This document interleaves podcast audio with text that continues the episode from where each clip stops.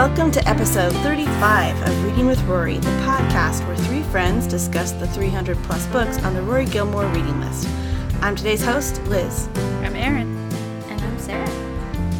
Today we're discussing the novel Carrie by Stephen King, published in 1974. Um, I believe the Gilmore Girls reference for this book is just a mention of Stephen King in general during episode one, season one. But I would be, I would be, imagine there's more specific reference There's to Carrie's gotta- there's somewhere, gotta be, yeah. right? I mean, it's a I I don't know though, because when I when like when I went through this before, I didn't like catch any other Carrie references. Although I, I agree there have to be some in there, but I don't know where. Well, I know we have one for Cujo, Yeah. but like Christine and the Shawshank Redemption, I don't know where those came from. My 'Cause guess I, is the Shawshank Redemption is a reference to the movie. then. well, yeah, that's true. It could be. I would also say like maybe they don't say it by name, but like the whole like the I mean this is like some c- common themes like you know controlling mothers, social isolation, Mm-hmm. school bullying, dirty pillows. I don't know. I was, there's part of me was like, I swear I heard him reference Dirty Pillows on Gilmore Girls. so, something. So maybe we don't since I- like Yeah, yeah, identify maybe it as so. Carrie until we've read the book and know that. But um, anyway, if you guys know where they mention Carrie, it's also we'll get this in the pop culture.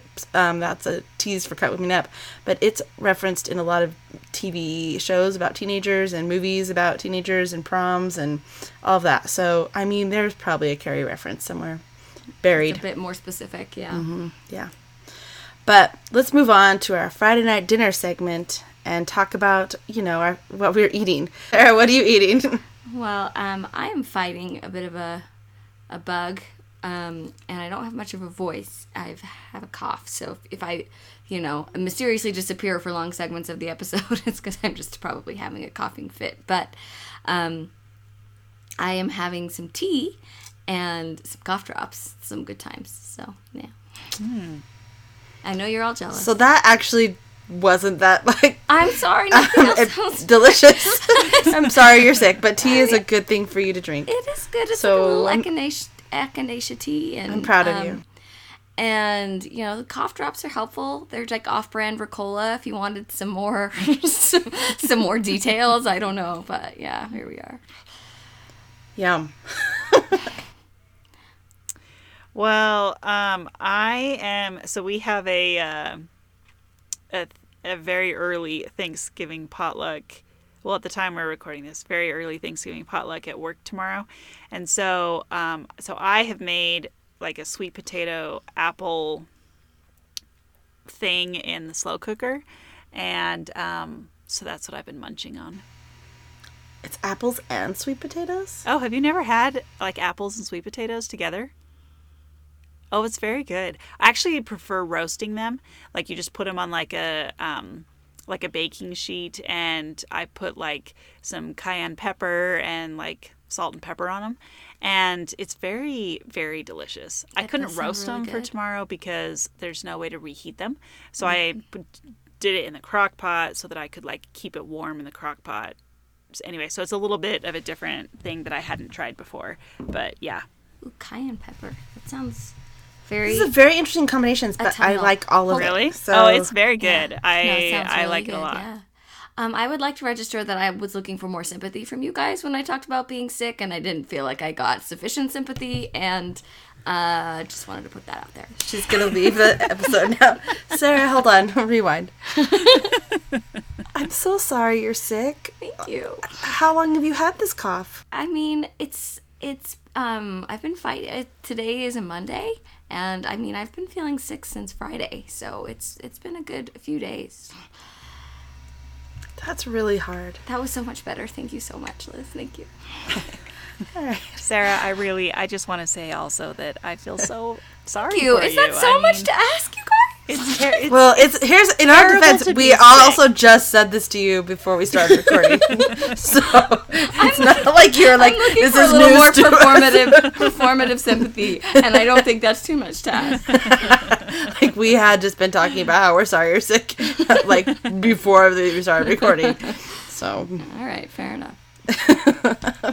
Um, I am eating uh like a fall salad. It has some pears and some yummy Parmesan cheese and some balsamic vinegar and some cranberries and walnuts. It's very good.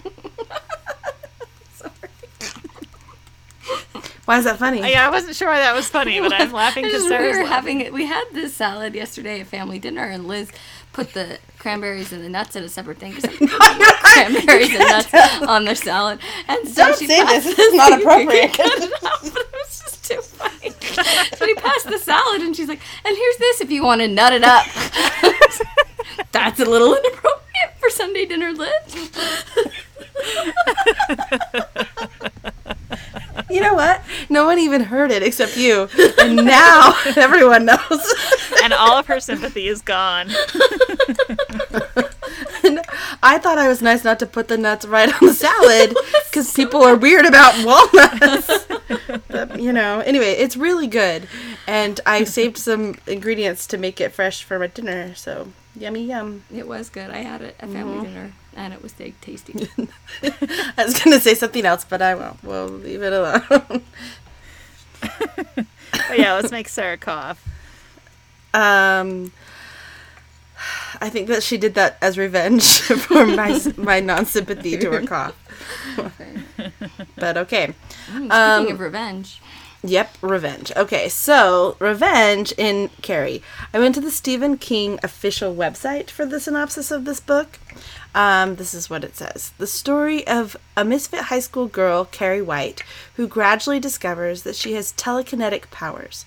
Repressed by a domineering, ultra religious mother and tormented by her peers at school, her efforts to fit in lead to a dramatic confrontation during the senior prom. Now, I feel like that synopsis is trying not to spoil it. Um, I don't.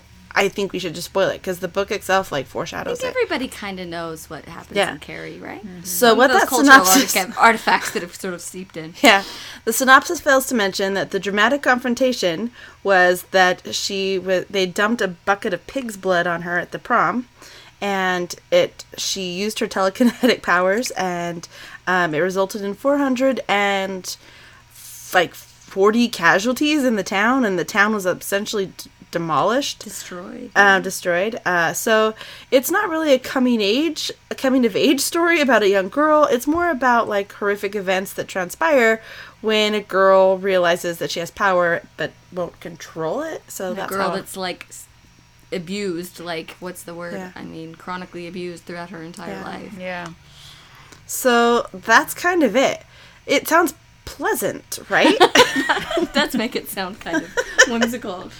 Uh, yeah. So, I mean, this has turned into more of like a cult classic novel, right? It launched the publishing career for Stephen King.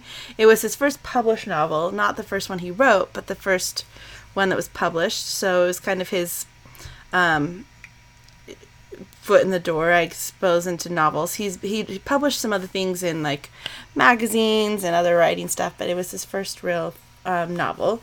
And he was teaching English in high school apparently, and uh, as he was didn't have like a phone even to have his agent call, and so he when he found out he got the contract or it was they were accepting his contract or the manuscript, they had to send him a telegram to his house. Mm, well, you know. And then his wife called the school and they paged him over the intercom. so it's very old school. anyway, um, he got a $2,500 advance and promptly went out and bought a Ford Pinto. So Nice. it's, t- very telling of the time and also kind of funny how, I mean, I don't even know his worth now, but that's I'd imagine it's high. I mean, like one of the most prolific writers and best-selling authors, and I just he's he's not hurting for money in any way, shape, or form anymore. So, I guess it's a Cinderella story. The publication of Carrie, you mean? or Stephen King. Oh. Um, I mean, the novel itself sold 300,000 copies on its first printing, so right away people really kind of were drawn to it, not just because, oh, it's a Stephen King book, but like the book. And uh, we'll explore that, I guess, a little bit more. Um, he's gone on to publish, I guess, like 61 novels since then, lots of nonfiction books. He's written 200 short stories, most of them get published.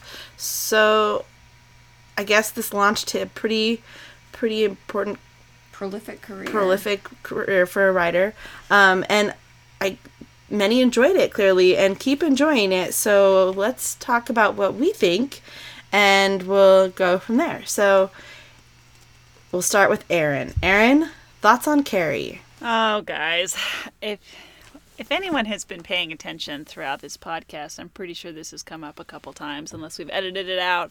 But um, this is not my favorite story. I mean, so I saw the movie back when I was in high school. I went through this phase as, you know, most teenagers have a phase where I really enjoyed watching like horror movies. So I watched like The Poltergeist and Carrie and like Invasion of the Body Snatchers, like I don't know, you know, thriller horror movies. And I saw this one and um anyway, it just didn't really like, you know, it was just part of this phase and thought it was cool. But then when I started reading the book, I was like, I hate this. And I got like 20 pages in and I was like, nope, I do not need this in my life. And so I stopped reading it at that point. So, it, like, I'm torn because obviously, like, I know the story. Um, I know the story pretty well, even though I didn't like actually read the book. But I just and and I know that it's like a big it's a big deal in pop culture and there's like totally, you know, a cult following and people are way into this. But I don't know. I just I the story I just didn't feel good reading the story and I thought it was just crass. I thought the whole story was crass. And granted, I'm sure that he like wrote it intentionally that way. So I'm kind of curious to compare the writing to the other stories when we get to them, to his other novels. Um, because something like The Shawshank Redemption, like it's a, that's a very different kind of story than Carrie. But I just I I couldn't do it, and I was like, I'm not going to force myself to read this if I think it's garbage, and I kind of felt like it was garbage. So, in terms of um, how like I don't know, are we rating this right here? Yeah. Let's. I mean, rate your first twenty. Like, It's where we do it. where did you Rate my stop? first twenty. um, where did I stop? I stopped. Well, I stopped not. I mean, it was it was pretty early. Like I stopped after they were talking about how like the next door neighbor, like her mom had given her like this swimsuit to like lay out in the back because she was like annoyed at the super religious mom. Um, and how she was like, I don't know, just that whole thing. I stopped right around that point. Also because I don't like it when people write about religion in like a really um like I don't know, like the way that religion is portrayed in this, I don't like. It feels very dark and I don't I don't really like want to read about that. So that was another part of the reason why I stopped. So Yeah. um Those are fair and valid reasons for yeah, sure, and, and- right? Yeah, and I'm sure we'll keep talking about them as we go throughout the story because again, like this is a this is, it's a it's an interesting story. All of that aside, and it's interesting that it has garnered so much attention. Um, so I don't know. So as far as how I would rate it, I would give it like I don't know. I'd probably give it like a two. Okay. Yeah. All right, two. That's for fair. 20 pages. Got it. Well, and Yes. I think, especially if you knew the story, you're like, I know I'm not gonna like where it's gonna go, so I, Yeah. you know, I can see that. Um, Sarah, what about you? Um, I like this a lot more than I was expecting to. Um, I, you know, I think like every American was familiar with it, and um, it's, you know, that image of Sissy Spacek covered in blood at the prom is pretty iconic, and so you know you have a sense of. Of, of what it's about, and so I was just kind of, appro- and I've never read any Stephen King, and it's kind of off brand for me, and so I was going into it a little skeptical, and I actually really liked it a lot. I thought it was really well written, and um, it was disturbing, and it was dark, and I didn't, I mean, I don't generally seek those kind of things out, but um, I thought the the way it was structured, as far as like the way of building suspense with like excerpts from like different reports on like the Carrie White incident, and you know elements pulling in elements of like other people's like other witness like witnesses statements and it's building up your your suspense to this big event that's going to come. And and helping you understand it more and um, and the way the way it kind of approached talking about telekinesis and and um, I don't know. I thought it was. Uh, I thought I had powerful things to say about like the dangers of abuse and extremism and and bullying and um, and kind of like the latent power of of of women and I was into it. I liked it a lot, so I would say I give it a four.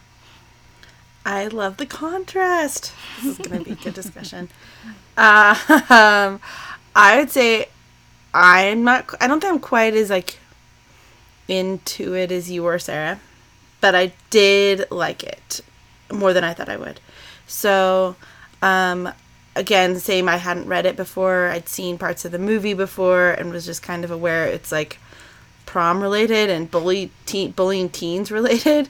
And um, I started reading it, and it had a lot to do with like period and menstrual blood. And I was like, Stephen King, what are you doing? like, why are you writing about this?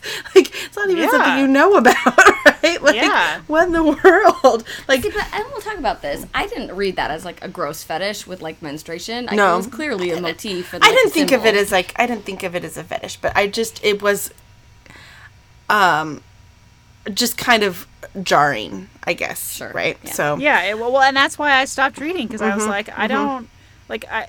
Yeah, I just it was very, and it, it was clearly intentional, right? And yeah, when, like, grabbing your attention. and when like the teenagers are like having sex in the backseat of the car, like it was it was just very.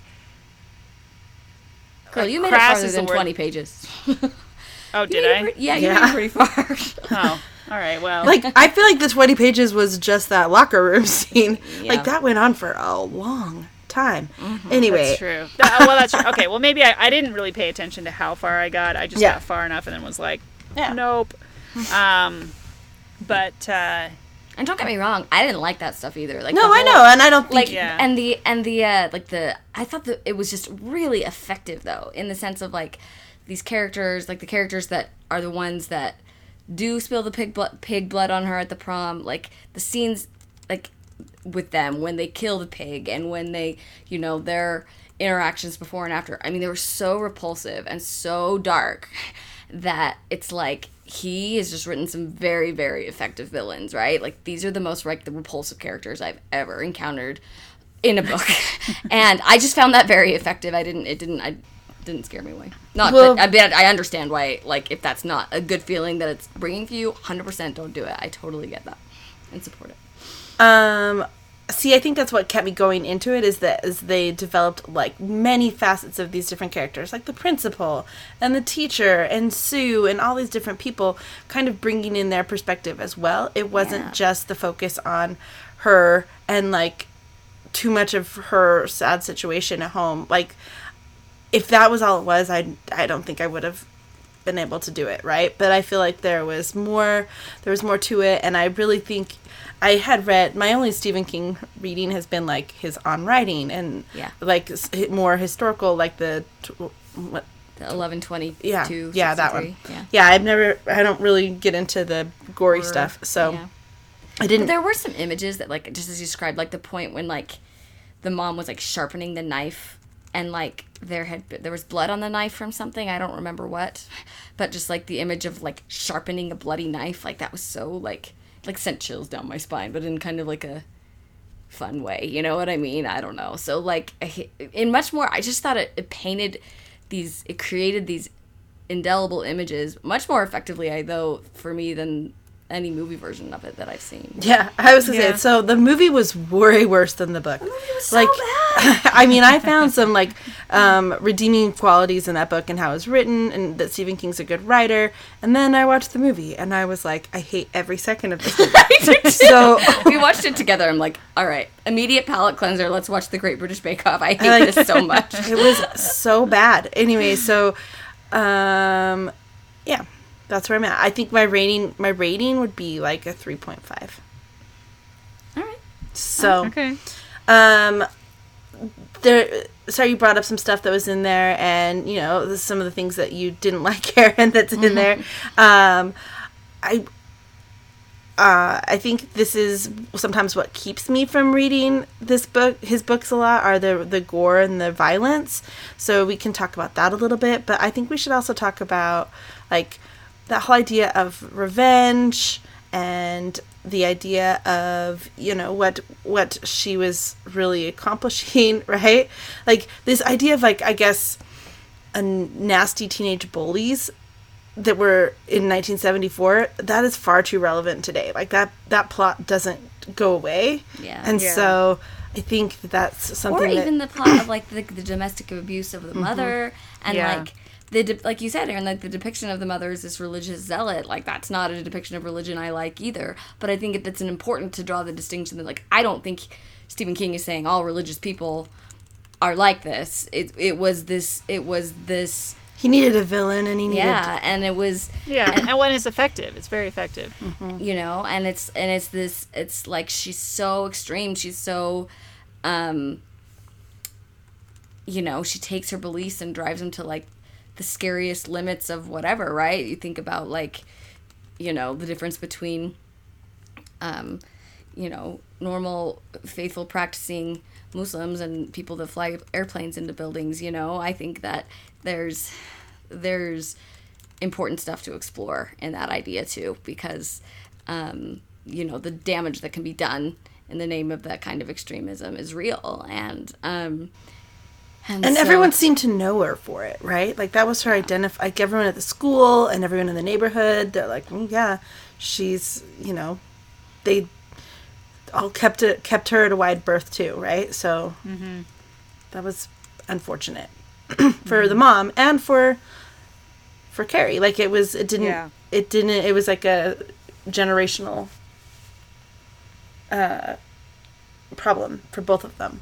Mm-hmm. Is that they had this like isolation that from everyone else that it made them s too isolated, really. I really thought that what was so interesting, what I kind of like, what caught me off guard that I liked the most, that was I was surprised to find in the book, because again I hadn't read it, I just seen the movie, and what the movie doesn't do, it doesn't, you know, it doesn't, it doesn't build that suspense by like telling you, like leaking you these small details about her telekinetic power and what it means and where it comes from, and Or like the destruction of the town. yeah. Yeah, that's not even in the movie at all. And um but I kind of like the exploration of like this telekinesis as like this scientific phenomenon and how it manifests itself in these recessive genes and all this. I thought it was really kind of interesting and um, like how they wanted to look into her family history and her mother's history and like what about it and her mother brought out this you know did I don't know I just thought it was all really interesting Yeah, I mean that they try and give it the scientific explanation that it's not Yeah. supposed to be It's this like to mark be- of the devil. right exactly yeah. like the mother thinks that it is Yeah. Well, it's interesting when it comes on, this power. Like it came on with, I guess, her period, right? It, Yeah. it, but it mm-hmm. also came on with her, like, feelings of rage and revenge. And so it's interesting to see who she kind of targets with this power. So I guess my question is, is if this is like a revenge novel, which it is, right? Um, who do you think Carrie really wanted to take revenge on? Like, who do you think is her villain? Like, there's a couple possible villains in this book. So, who do you think stands out as like the person she's most angry at?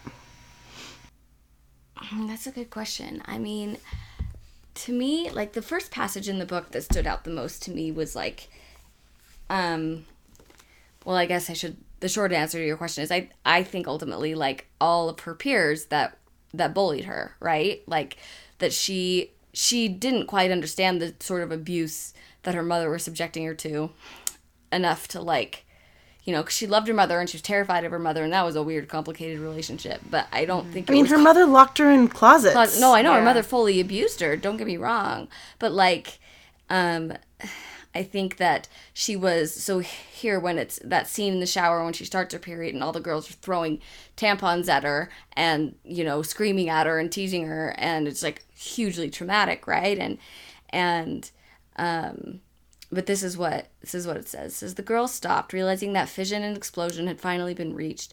It was at this point, when looking back, that some of them would claim surprise. Yet there had been all these years, all these years of let short sheet Carrie's bed, a Christian youth camp, and I found this love letter from Carrie to flash Bobby Pickett. Let's copy it and pass it around and hide her underpants somewhere and put this snake in her shoe and duck her and duck her again. And Carrie tagging along stubbornly on biking trips, knowing one year is puddin' and the next year is truck face, always smelling sweaty, not able to catch up, catching poison ivy from urinating in the bushes, and everyone finding out, hey, scratch ass, your bum itch. Billy Preston pressing peanut butter in her hair. The time she fell asleep in studying hall, the pinches, the legs outstretched in school aisles to trip her up, the books knocked down excuse me, the books knocked from her desk, the obscene postcard tucked into her purse, Carrie at the church picnic and kneeling down clumsily to pray, and the seam of her old madras skirt splitting along the zipper like the sound of a huge wind breakage, Carrie always missing the ball, even in kickball, falling on her face in modern dance during their sophomore year and chipping a tooth, running into the net during volleyball, wearing stockings that were always run, running or about to run, always showing sweat stains under the arms of her blouses, even the time Chris Hargensen called up after school from Kelly Fruit Company downtown and asked her if she knew that pig poop was spelled K A R R I E. Suddenly, all this and the critical mass was reached. Um, anyway, just like this whole It was lifetime, building. right? This whole lifetime of abuse. Like I'm like, please stop. I know it's Please awful. um, but like, I don't know. It's like how, how after surviving a lifetime of that, are you gonna be? Are you not? Are you not gonna just like, like I'm gonna get these people right? Like I don't know. I think that that was, that was foremost in her Well, the other part of it too that I thought was interesting is that she hadn't really ever, like, because of her mother's extremism, she didn't have any real outlet or source to talk about the things that were going on with her and to like figure out how to deal with her life really and so she she just wasn't capable of like she just didn't have the the the skill set to you know know how to handle this and so when when she gets these you know powers and she's got all of this rage and you know i mean like of course she's gonna t- you know she's not gonna take it out on her mother because her mother is you know Her an important friend. authority figure in her life and you know and so of course the you know it, it makes sense that then she would turn to these people who have also abused her and take everything out on them. And but it's just it's just interesting because you know like they they talk about how like her mom like they just she her mom wouldn't talk about anything. And, you know the whole dirty pillow concept and like all that kind of stuff like she just wouldn't she wouldn't engage with Carrie. She wouldn't you know it was just kind of like beating her into submission to be good but what for you know like there just wasn't a lot of foundation there Yeah, and it scarred clearly scarred her too, right? She didn't yeah have. So I mean, I think her mom is. I think someone that she does subconsciously take revenge on, right? But I think she really is trying to get back and just turn that rage. That's why I think that prom scene is so. I guess. In not ways relatable, but relatable because I think there's who hasn't kind of fantasized like here's these kids who have tormented me. I'm gonna like get back at them, right? Yeah, and, but it's not take- just one incident. It's a No. lifetime of yeah, doing it builds up. Yeah. But Chris, let's talk about her. She's the worst, right? She was She the, literally made me feel sick to my stomach. she was the worst, and it was like so frustrating to see her even like manipulate everybody else in her life to try and get her way. Right? It was just so extreme. But it was a little. I mean, I guess it's the educator in me. I guess, but when, when she was talking to the principal, or when his her dad was talking to the principal, and the principal's dad, like, the lawyer. yeah, and they're like trying to like get her off, and like, nope, she she wasn't guilty of this. He's like, actually, here's all the stuff she's doing, Like, and let me pull out her file. and I don't know, like, just, actually, we can countersue be- and loco parentis because, yeah. uh, you know, I mean, that was so satisfying. it was. I was like, okay, good, because that's not even enough. I mean, you feel like that's gonna be oh, good. She got her, she got hers right, but no, she really didn't until, um, you know, Carrie Killed turns turns on her. I mean, how the punishment to not go to the prom? Oh, sad, right? Like that's I don't know. And then her whole weird relationship with Billy. the with Billy was just So an gross. interesting contrast to Sue, who did feel guilty and was trying to, I think, legitimately make amends to what she had done. And I think the teacher felt guilty too. Like it it says that she resigned over it, right? She was like, I couldn't, I couldn't live with what I had done or not done to like reach out to her. So I mean, there's just lots of contrasts in characters and how they respond to the whole situation. Yeah. Yeah. I think Sue was a really interesting character, Yeah. right? Like she participated in this bullying thing but felt so awful and um and felt real real shame and remorse and wanted to atone for it.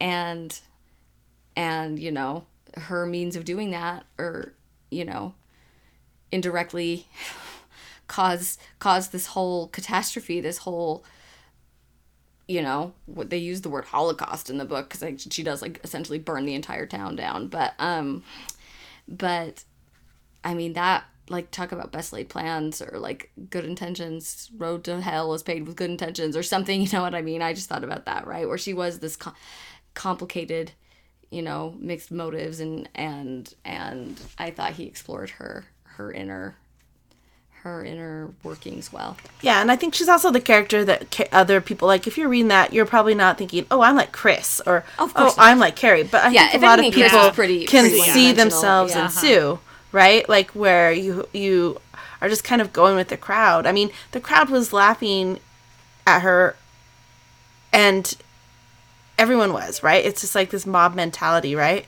So. Mm-hmm. It's not. It's not like they're trying to hurt her. It's like they just. It's such a mob thing to do. Yeah, and, and I even thought he explained that mm-hmm. well, right? Like where the movie doesn't. The movie Yeah. she gets the blood, and then people like start laughing, and you don't even get the sense if it's like her imagining people laughing or like if they're actually laughing. But in the book, as they describe it, like people describing their reactions, it wasn't like people thought it was funny. It was just like so shocking and like horrific that it was like they someone laughed out of like like shock and surprise, and then you know it just sort of like yeah, kind of like a mob thing, and it's sort of, but it didn't. You know, most people there were happy for her, and that she, you know, Like, had or this moment. surprised she was so pretty. Yeah, yeah, I know. Seriously, um, but yeah, it, I mean, there's just lots of dramatic irony and employed very effectively. I Yeah. thought. Speaking of dramatic irony, I guess here's another thing to uh, focus on. So i- the the fact that they dumped the pig's blood on her, right? Like there's a lot of kind of animalistic imagery in the book a little bit. And I guess as my one thing I thought about was this like it's violent and gory and not really my cup of tea on that one, but is it so violent and gory because it's just like kind of showing the dark animalistic kind of urges that people have like whatever they are of revenge or of you know bullying or of Like our our base instincts. abuse or whatever it is right? Like is it just kind of um yeah going into that that showing that darker side that isn't pleasant to read about but is that really what it's kind of trying to show in a good like is that why he makes it so violent? Or do you think he's just kind of like like let's make this gory i don't know No, I don't think so. I didn't read it as gore for gore's sake, and I don't even think there is that much gore. There, it's like, um, the, it again the way they kind of describe the whole scene of her of like the town and stuff getting destroyed and like the live wires electrocuting people. I mean that's some graphic stuff, but it's like almost kind of de- like described after the fact in like government reports. You know what I mean? Like I. I didn't feel like it was gratuitous personally, but it's more than again. I'm I'm with you. I don't. I like reading Anne of Green Gables books. But I even I a guess it was like the school me. violent stuff. You know, like the way that they were treating her or the way that like at the the um yeah, just the whole bullying situation. I thought that was just kind of dark too, right? Well, yeah.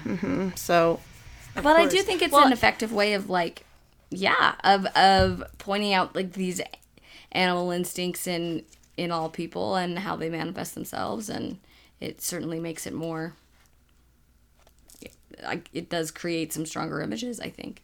Well, and it felt it felt a little like sacrificial too, right? Like I mean, going back to the whole like thread and theme of religion that kind of permeates this too. Like it's, you know, religious extremism all over the place and this idea of, you know, dumping blood all over her just felt it felt very, you know, Old Testament sacrificial, but in a very um in a very um like what's the word I'm looking for? Um what's the word I'm looking for, guys? It's like no, no, in a very sacrilegious sense. That's the word I'm looking for. You know, and and it in and it just in uh, like a very perverse kind of a way, which fit with kind of the tone of the book. I thought. Yeah, I, I when I was reading all that stuff, I didn't I I didn't see as more like I mean I saw the mom stuff really very like her approach to religion. I saw Carrie with her peers as like a different a different sort of image, but I can see that too. Like but when she was talking to her mom and how she was just so like um apart from the world and like what was happening with her, I felt like that was definitely, you know, as that religious element tying in like what's a sin and what's what's not right? Like just being herself was apparently sinful right? And so it's like I think that her mom looked at Carrie as like the personification of sin. Yeah. she was. To her. To like her, she was a result of sin. She was like maturing. She got her period which is a curse from god. And like you know if she hadn't been sinful she wouldn't have got the curse of blood kind of a thing.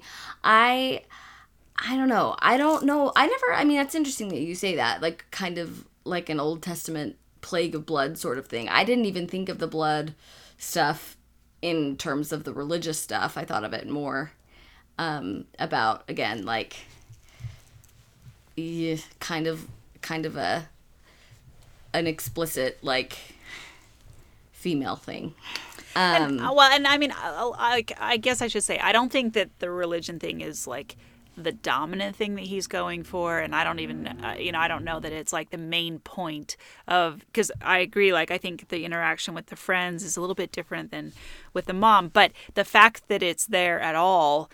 You know, the fact that that religious extremism plays into this at all, that it's part of the story, I did feel like there was kind of an undercurrent of of that, even if it was kind of a subconscious one. Um, that was kind of running through this. Like it, it felt like it tied all of that together a little bit for me. Okay. i can see that I don't know. I can see that. I mean, I will say this is what um, King said. Um, St- Stephen King. When I say King, I guess that sounds weird, right? Um, so in his book, uh, um, Dance um, Macabre, right? Is he uh, he wrote about? sorry uh never mind just cut. Say it, Sarah. Sarah. Correct us, Sarah. no i wasn't gonna correct you you said it right i was just laughing at how you were like, afraid to say it like it was a, like a swear word or something All of a sudden, I was like, Sarah's gonna correct me. I know how to say it, but all of a sudden in my mind, I'm like, you said it fine what if I say it wrong and Sarah corrects me? you were scared I was anyway. so he in, in in that book he's writing about his writing because he does that, and he called this book a feminist allegory. So it's like what you were talking about, Sarah, too, is that this is you know about female things. So here's the feminist allegory that he said. Carrie is largely about how women find their own channels of power and what men fear about women and women's sexuality, which is only to say that, writing the book in 1973, I was fully aware of what women's liberation implied. The book is An Uneasy Masculine Shrinking from a Future of Female Equality. For me, Carrie White is a sadly misused teenager, an example of the sort of person whose spirit is so often broken for good in that pit of man and woman eaters that is your normal suburban high school. But she's also a woman, feeling her powers for the first time, and like Samson, pulling down the temple on everyone in sight. Carrie uses her wild talent to pull down the whole rotten society. Well, I did not take that from it at all. That's what what he said he was going for. So it's interesting to see um, that. I don't know. I kind of did come right? into like, play, Where, yeah. where it's coming, like especially the fact the whole, the whole um, impetus event is her period, right? Like it's like this girl has become a woman, and the society around her has completely abused her and underestimated her and and undervalued her and now like look like behold what she can do kind of a thing Yeah.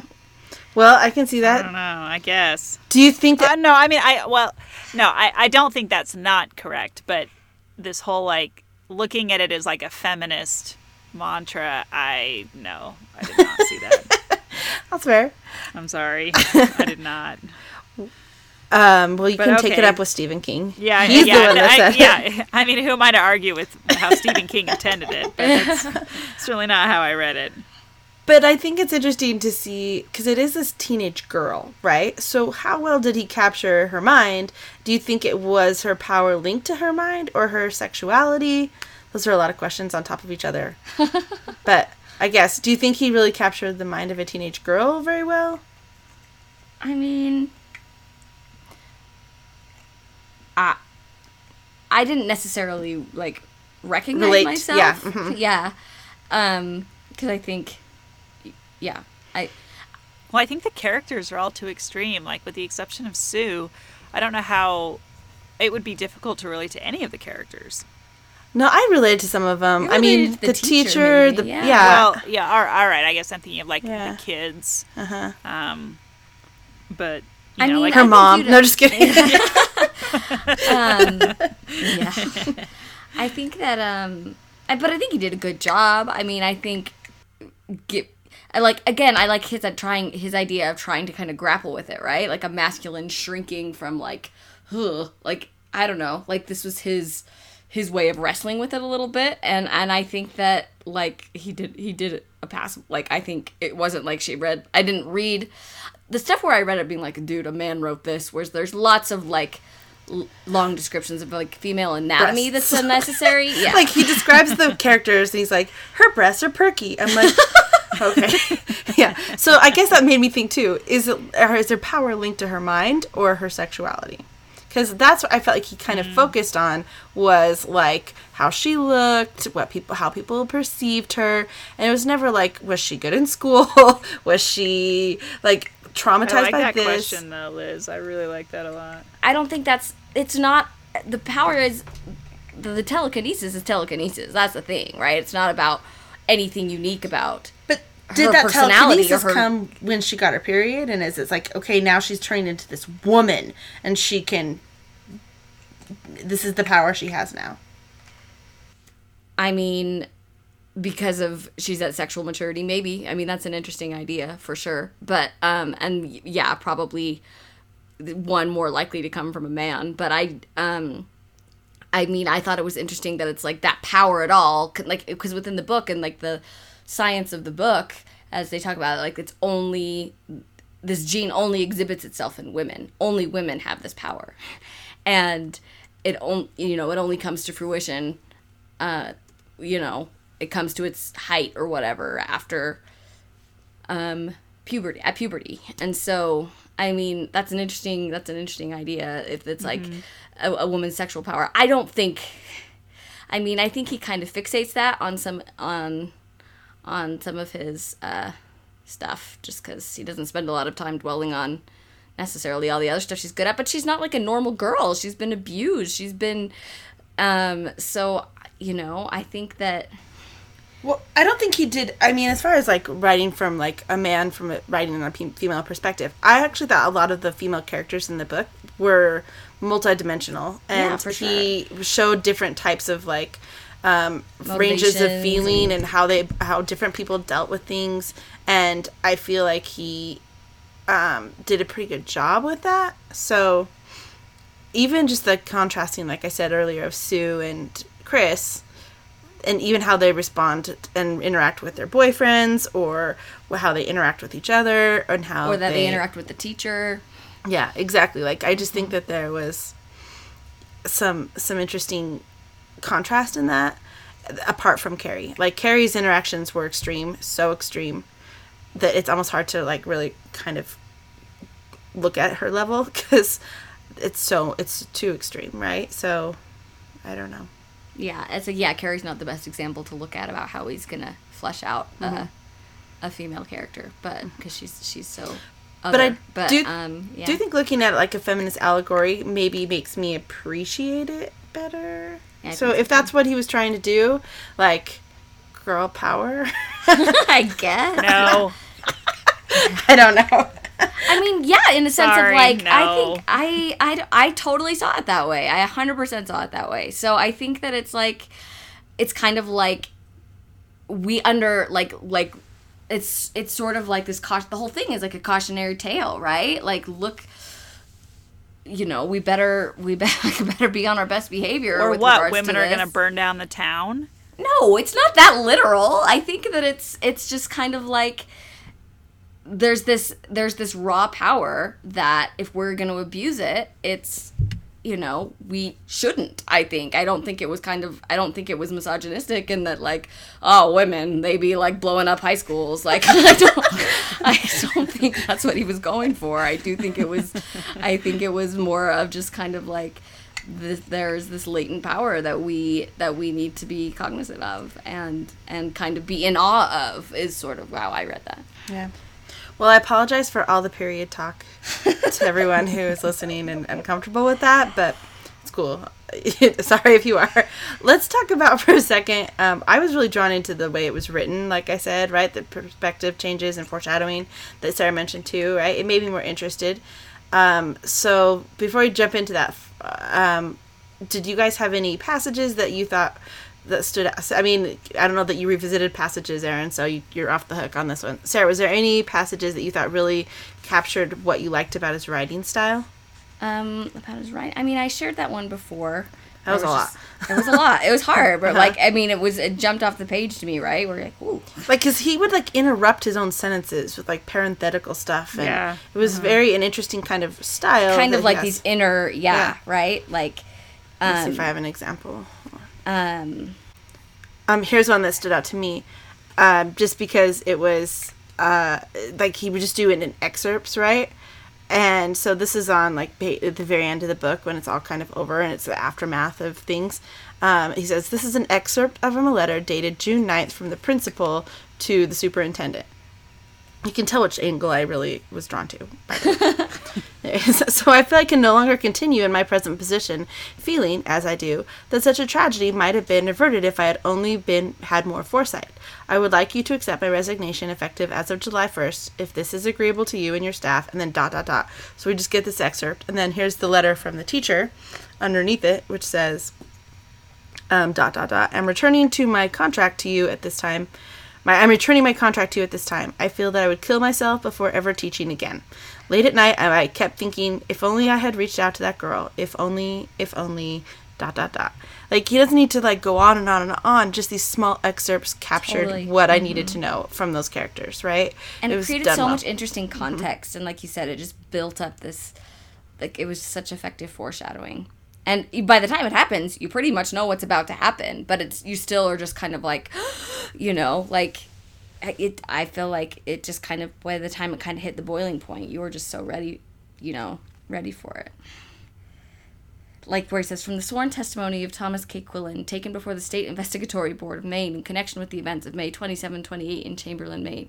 And like I mean citing it like it's like a real thing. And then it like has this whole Q&A um and and then he cuts away from that to uh so it has this whole Q&A um about you know from this person's perspective um, what he saw happening, and then it cuts to Carrie's perspective right below that. When the buckets fell, she was at first only aware of a loud metallic clang cutting through the music, and then she was deluged in warmth and wetness. She closed her eyes instinctively. There was a grunt from beside her, and in the part of her mind that had come so recently awake, she sensed brief pain. Tommy. The music came to a crashing, discordant halt, a few voices hanging on after it, like broken strings, and in the sudden deadness of anticipation, filling the gap between event and realization, like doom, she heard someone say quietly, say quite clear, quite clearly, "My God, that's blood," and um, I don't like.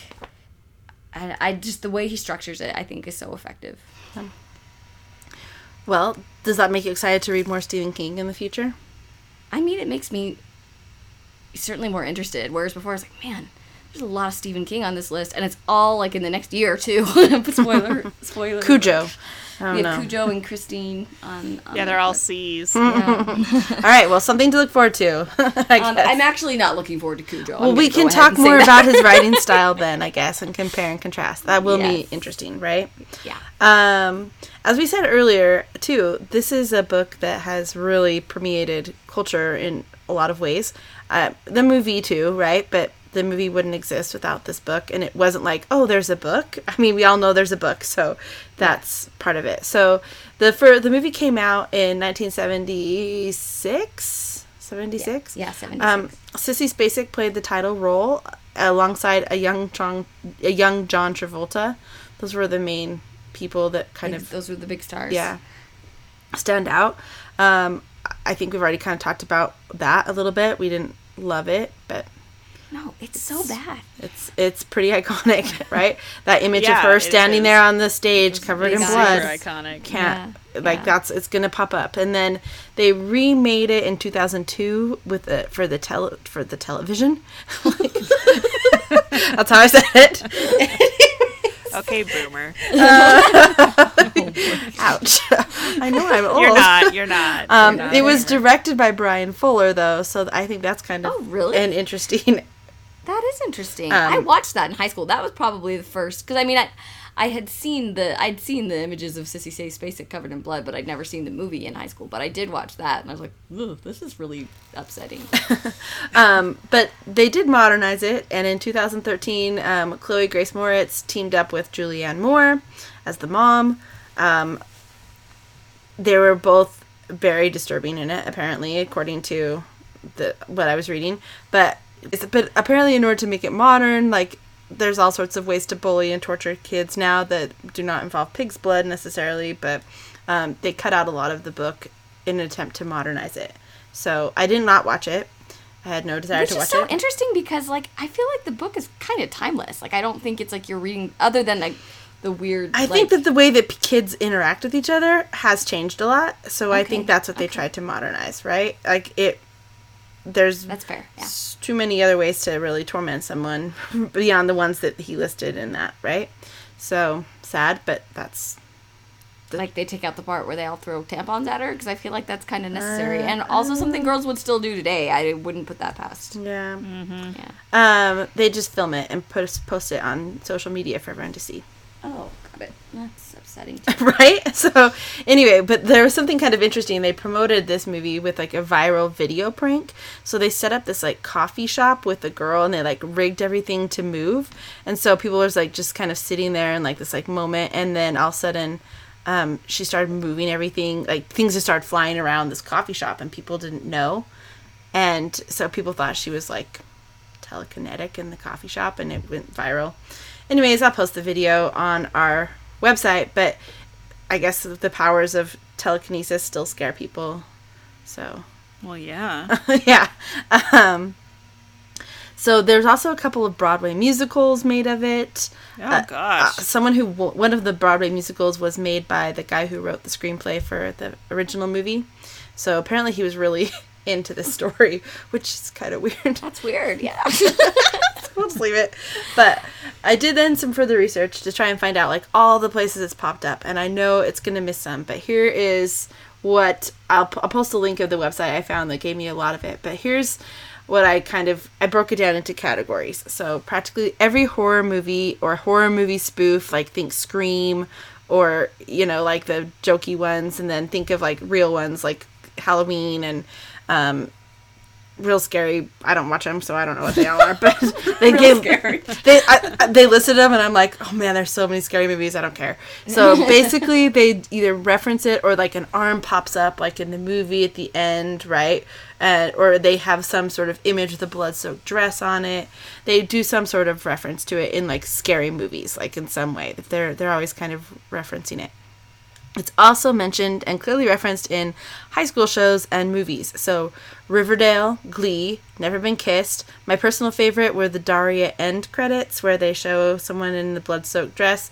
Um, comedies like to mention it or spoof it, like The Simpsons, South Hold Park. on.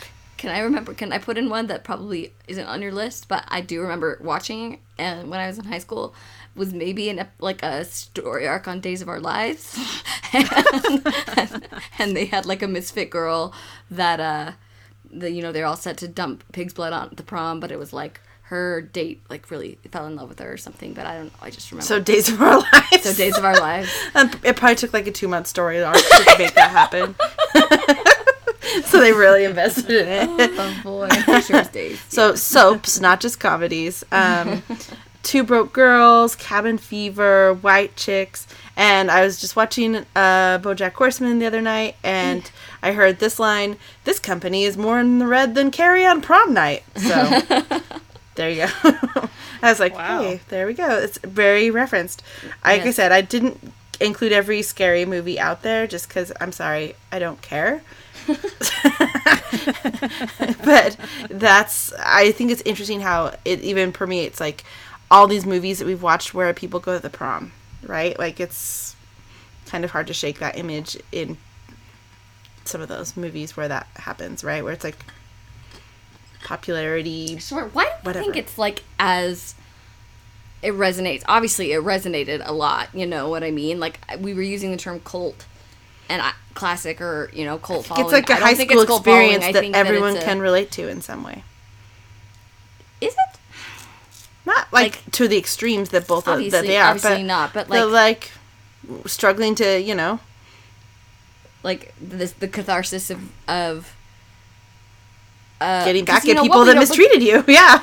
I guess, but like, I feel like the iconic images aren't of her and like her destruction, but it's just like her standing there shocked, covered in blood. You know what I mean? Like, I don't know. I um, I wonder what it is that connects so deeply with people about that particular image. If you guys have any, if our listeners have any insights, please share them. Be curious to hear them. I mean, I think it's just appalling, right? And I, but I think it's also terrifying to think that it, like, it, it could, like, it, you know, it's the worst in each of us could theoretically be in that position, and um, and we've seen it. Um, you know, like you see it uh, all around, right? Like, like the Sues of the world, right? Who feel kind of guilty but get caught up in the popularity of the moment and the mob mentality. You know, everyone's seen it or been there and i think that's scary i think that's really scary Well, I think it's taken different shapes now, right? Like we have like school shootings and mass shootings for these kids that are isolated and mm-hmm. you know, like it's a different form of That's really revenge, but I it's yeah, it's just there. as violent. Mhm. Yeah. yeah. So, I mean, it's a good thing to explore. So, like Sarah, I Sarah, like we invited our listeners to share because we have a limited experience of our own, right? Everyone, what what what what do you bring to that? Um, what did we get inspired to do after we read this? What are we inspired? What's what's there? So, Erin, were you inspired by anything from this book? no i just i'm dreading reading more stephen king so i'm All right, I'm- inspired I'm not to do. i'm inspired to give the next book which is what christine um, a shot and hope that it's a little bit more palatable is not the right word but you know better than this one Well, I think that's a good a good plan. Um, if you want to like tweet bad reviews or give bad reviews to his stuff, apparently he's kind of sensitive to it. He kind of went after AV Club on Twitter, Stephen King, about like how they give bad reviews, and everyone's like, "Oh, boo hoo," because he has a new Yeah. show out, I guess, and they didn't like love it, Yeah. and he kind of Yeah. went after after that. So give him the bad review. Maybe he'll reach out to you. well i do not feel bad for stephen king Yeah, me neither. um, Sarah, what do you think? What's what's inspiring for you, or not Um, inspiring? No, I think for me, I kind of came away from it being like, you know, inspired to reach out in like genuine friendship, not like guilt ridden friendship, and like, because, you know, you don't want you know the unintended consequences to come back and bite you but but to be to be friendly right there's all kinds of people that need need our um that just need a friend. And uh our mom is someone i've always looked to uh about this. She's always been good at being friends with people who just like and like being genuine friends with them. It makes friends with them right? And maybe they're kind of an odd fit in whatever or don't haven't fit into like a certain clique. And my mom just reaches out and befriends them. And i've seen her make such a huge difference in lots of people's lives. And that's kind of person i want to be too. So Well, that's inspiring. Yeah. Like more inspiring than Carrie. um, but mine's very similar to that too. I obviously, um, in a school, right? It's uh, where I, I, you have to kind of be on the lookout for those students that are, you know, just quiet and unassuming, and sa- you, that you have to really. I mean, it's not like I can be their best friend, but like reach out and make a connection with them, right? And not do it out of guilt. Clearly, that teacher felt Miss Des- what, Desjard, desjardins desjardins or Desjardins. Yeah, Desjardins. uh, she was kind of eaten up over what she didn't do, and like I think that's a fear I have as a teacher is a little bit like to have to look back and be like, could I have done more to help somebody? Sure, yeah. And I don't want to have to have that happen. So, uh, just be more aware of students and what their needs are. I mean, I it's something we're trained as teachers to have to do and worry about too. It's just an added bonus to the job, but it's when you read the I read this now as an adult, like a boomer, I guess, or whatever, but I read it as a teacher and was like thinking, oh man, like kids are so mean, right? And like I'm around them all day long. so I guess just keep my eye out for that, and that's what inspired me to do. So, one. All right, now that we've finished talking about Carrie, we do have one other element we want to talk about um, a pop culture tie in to one of our books on the list here. So, Erin, what book, what did you find to add to our pop culture segment today? So, um, a friend of the podcast, Rachel, um, sent us this message and said that uh, so if for any of you who have read the book A Northern Light, which was published in 2003. So, A Northern A Northern Light is basically based on the story The Murder of Grace Brown, which is the basis for the same story that was the basis for An American Tragedy by Theodore Dreiser. So, for any of you who have read who read An American Tragedy with us or who have read A Northern Light, they're both based on the same thing. And um Liz, I think didn't you listen to a podcast that also talked about this? I did. So did Sarah. But it was uh, they. Sarah was the one that made the connection. I was like, oh yeah, I blocked out American Tragedy. I hate that book. So, seriously, like I oh really yeah, do. no. So we were. I was listening to the first episode of Dolly Parton's America, and um, which is is what it sounds like. It's just it's of so good, but I so good. did not think like of American Tragedy when um, I listened to exploring like the music and life and kind of culture surrounding Dolly Parton, and it talks about her early songs. and How she wrote a lot of, as she described in the first episode, it's called sad ass songs. She wrote a lot of really, really, really sad, dark songs about these awful things that would happen to women, and talked about how they were rooted in these like old murder ballads that there were tons of that talk about like that are men- real events dating back yeah, for hundreds real of years. Real, real stuff dating back, talking about men that would murder their pregnant, like pregnant girlfriend that they didn't want to marry, and that this was so common that they were just like writing songs about it, like right and left. And I thought, I'm like, I remember reading American Tragedy and reading how Dreiser was like, this is this. He called it an American tragedy because it was this such a common event. And I'm like, what is there this like epidemic of dudes murdering women? They like pregnant women they don't want to marry. That seems so specific and weird. And but apparently there was. is all I'm saying. It was so common going back, even back to like England and Scotland, which is where those songs come from.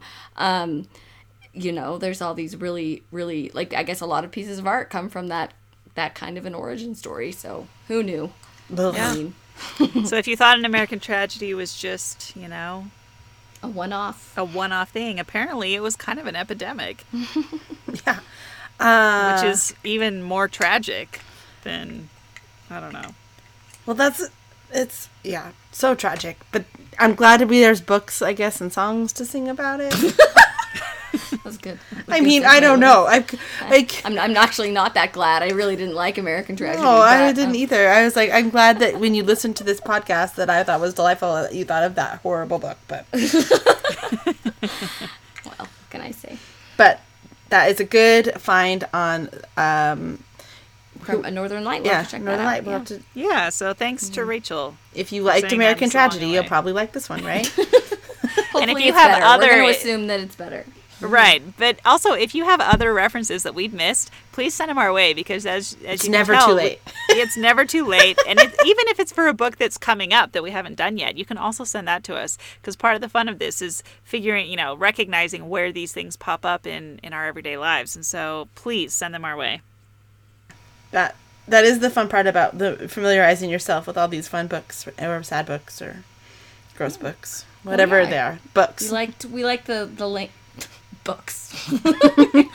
um, but yeah, I think the whole point is you know to increase our cultural literacy. So whatever, ever you guys have, please throw it our way. That'd be great. And speaking of throwing things our way, if you want to weigh in on the Carrie debate, are you Team Erin or Team Sarah? Come find us on Twitter, Instagram, Facebook, or on readingwithrory.com and join that conversation. So, or the debate. This one was really like divided. Um, don't forget to leave us a review. That also helps. So we love we love to hear how we're doing, and it helps us find more listeners. So please do that. Give us a review. Next time on Reading with Rory, we're going to be reading Catch 22. So we'll catch you next time with. Catch 22. Oh, clever. Thanks for listening and reading along with us.